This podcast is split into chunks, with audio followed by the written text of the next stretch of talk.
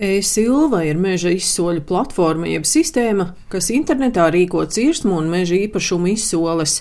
Uzņēmuma valdes loceklis Normons Štaucers stāsta, ka šobrīd samazinājušās cenas tieši enerģētiskai koksnei, jeb koksnei, ko izmanto kā kurināmo. Gan uzņēmumi, gan privātpersonas, kas tiešā vai netiešā veidā saistīti ar siltumapgādi, iepirka enerģētisko koksni un pildīja noktavas ar rezervi. Līdz ar to eh, pieprasījums auga un tam līdzi arī cena. Šobrīd ir pienācis brīdis, kad eh, pieprasījums eh, šķietam ir apmierināts un piepildītās noktavas netukšojas tik ātri, cik bija plānots. Cenas kritums tieši, ja runa iet par malku, bija nedaudz virs 10% tāds tirgus stāvoklis noteikti ir pārējošs, jo iestājoties bargākam salam, palielināsies arī pieprasījums pēc enerģētiskās koksnes, un šī cena nu, noteikti, ka viņa nostabilizēsies.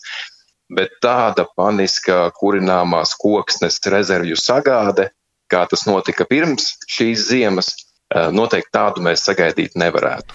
Kokrūpniecības federācijas izpildu direktors Kristaps Klauss vērtē, ka tieši neparasti siltais rudens ir viens no iemesliem, kāpēc koksnes kurināmā cena samazinās. Eiropā netipiskais siltais laiks, protams, atstāja iespēju arī uz enerģijas cenām un arī kurināmā cenām visa veida. To mēs redzam gan gāzai, gan arī koksnei.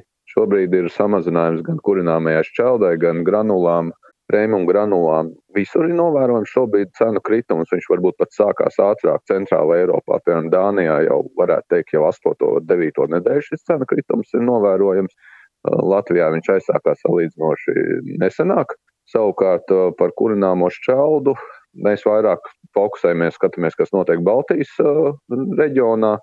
Un šie cenu kritumi Latvijā, Lietuvā, Igaunijā ir aptuveni vienādi bet ja tā vidēji paņemtu, tad uh, no augstākā punkta cena kritums ir aptuveni 10-20% robežās jau šobrīd. Jāsaprot, ka ne jau tikai siltums ir tas, kas ietekmē šo cenu, bet arī īsnībā diezgan mazais nokrišņu daudzums. Ja būs tā kā līdz šim sauss un silts, tad visticamāk cenām ir prognozējams vēl kritums.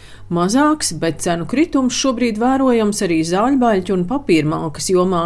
Turpina E-Silva valdes loceklis Normons Štolcers. Mūsu tirgus ir atkarīgs tieši no eksporta tirgiem, galvenokārt Skandināvijas, jo pirms kara periodā tieši uz Skandināvijas valstīm nozīmīgs apjoms ar papīrmalku tika eksportēts no Krievijas. Attiecīgi deficīts veidojās, šis loks kādam bija jāizpilda, to ļoti veiksmīgi arī izdarījām mēs. Papīrmalka līdz novembra sākumam vēl auga, bet šobrīd viņa ir nostabilizējusies un nenozīmīgs kritums ir bijis aptuveni 2% robežās. Zāģbaļķi galvenokārt tiek izmantoti kā būvniecības izējuma materiāls un ņemot vērā, ka šobrīd ir paceltas eh, kreditēšanas procentu likmes, uzņēmumi nesteidz uzsākt jaunas būvniecības projektus, un būvniecības apmēri kā tādi pasaulē ir samazinājušies. Līdz ar to pieprasījums pēc zāģbaļķiem arī ir samazinājies, kas atspoguļojas tirkus cenā. Cenu samazinājums, piemēram, resno zāģbaļķu segmentā ir aptuveni par 7%. Tomēr patērētājiem jārēķinās, ka tik lēta koksne kā pirms Krievijas uzbrukuma Ukrainā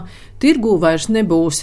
Kokrūpniecības federācijas izpildirektors Kristaps Klaus stāsta, ka strauji aug arī koksnes šķeldes kā kurināmā patēriņš Latvijā. Ja 2020. gadā izmantojām apkurēji 6 miljonus berkubu kurināmo šķeldu, tad nākamgad tie varētu būt jau 8 miljoni. Cenas var arī ietekmēt tādu lietu, ka ja mēs neprasmīgi Eiropā kopumā ieviesīsim dažādas zaļā kursa direktīvas, vai arī Latvijā neprasmīgi viņas ieviesīsim, var pēkšņi izrādīties tā, ka mums par koksnes kurināmo būs jāsāk pirkt emisiju kvotas.